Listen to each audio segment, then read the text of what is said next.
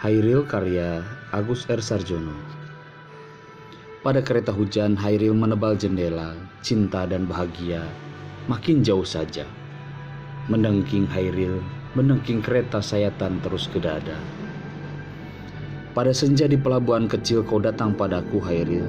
Cinta insannya di tangan kiri, Amir Hamzah cinta ilahi di tangan kanan. Dengan pandang memastikan untukku, aku membisu dicakar gairah dan cemas, bertukar tangkap dengan lepas. Aku hilang bentuk, remuk. Seharian itu kita tak bersapaan. Oh puisi, yang enggan memberi, mampus kau dikoyak-koyak sepi.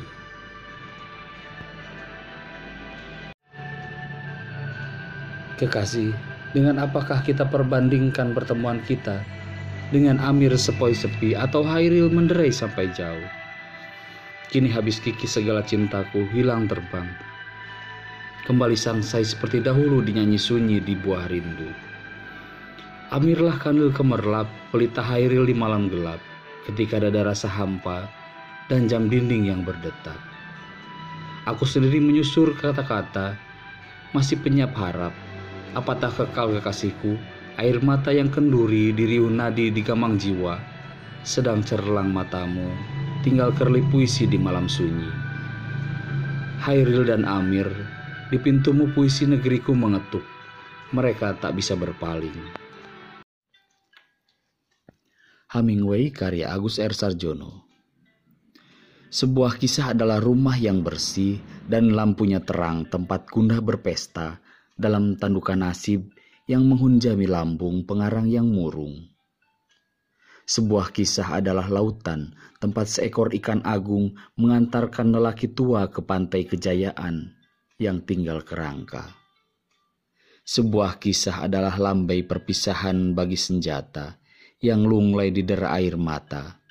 Tapi perang bagai matahari senantiasa terbit kembali, melintas sungai menembus hutan, jiwa-jiwa yang rawan.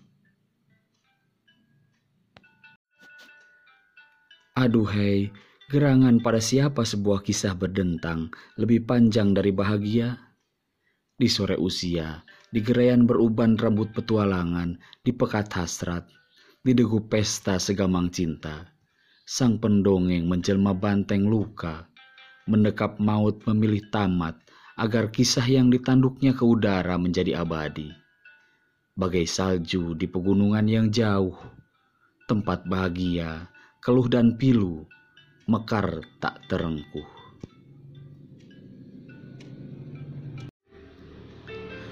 Pramudia karya Agus R. Sarjono Begitu nyaring nyanyian bisu mengabarkan keluarga gerilya yang menyerahkan kehormatan dan nyawa bagi sebuah negeri untuk merdeka. Tapi bisakah sebuah negeri merdeka dalam rumah kaca, tempat jejak langkah anak semua bangsa yang hendak tumbuh dewasa, dikirim ke penjara? Di Pulau Buru, kau cangkuli tanah dan sejarah untuk menumbuhkan lagi sebuah bangsa, sebuah negara dalam cerita. Negara impian anak bumi putra, tempat setiap warga merdeka menjadi tuan dalam pergaulan bangsa-bangsa. Adakah kala kau cangkuli ladang-ladang kebangsaan itu, kau renungi juga masa lalu? Kala muda dan lugu, hingga bisa percaya akan dunia sama rata sama rasa tempat manusia menjadi zombie di gerakan ideologi?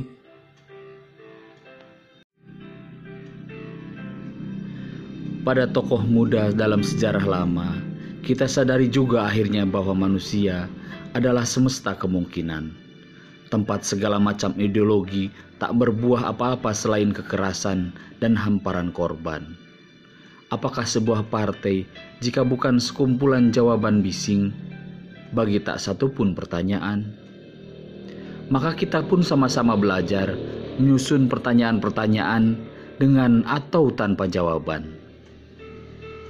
Pada genteng rumah yang dirampas orang, aku belajar padamu untuk melawan, bukan karena harta atau harga, tapi karena ketidakadilan tak pernah boleh dibiarkan menjadi majikan kehidupan. Rilke karya Agus R. Sarjono Tebaslah tangan kaki lidah dan leher Rilke Ia bakal tetap bersikeras membopong cinta dengan darahnya. Sayap-sayap asmara menyusun kembali jiwanya menjadi angsa yang anggun dan kikuk berenangan di danau kenangan. Ia hunus soneta Orpheus untuk menatah gairah, menjadi patung-patung yang lampus bagai hidup, gemilang bagai maut, hingga bahkan dalam jiwa yang erat berpaut, tetap menjulang jarak abadi, sama tinggi dengan sunyi. Maka, apalagi yang tersisa selain belajar mencinta sang jarak agar pencinta dan dicinta hidup dan mati bermekaran indah sendiri-sendiri.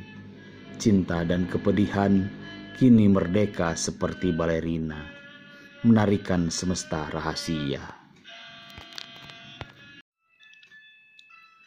Saat untuk cinta karya Agus R. Sarjono. Inilah waktu untuk kicau burung dan kupu-kupu seribu kepedihan menjelma lagu Sekso pun menebarkan gerimis di antara gelas, asap rokok dan kelakar. Kau menyebutnya kecemasan kita. Di luar, segerumbul orang bersikeras berdebat dan merancang program-program, semacam pembangunan dalam kalimat panjang, yang membuat pohon dan tanaman menggigil seperti politisi di musim hujan, basah dan tak berbuah. Inilah waktu untuk dunia yang halus dan malam sahdu, rumah yang tentram, teh manis keemasan, dan air putih yang bening. Piano gemerincing seperti uang logam berjatuhan dari kantung celana masa kanak-kanak kita. Inilah waktu untuk kicau burung dan kupu-kupu. Sajak anak petani karya Agus R. Sarjono. Selepas musim penghujan, kupandangi saja para petani dan bapakku yang begitu asik memanen kesedihan di antara butir-butir padi yang tak pernah cukup untuk menumbuhkan anak-anaknya. Mekar berbunga di ladang nasib dan hari depan.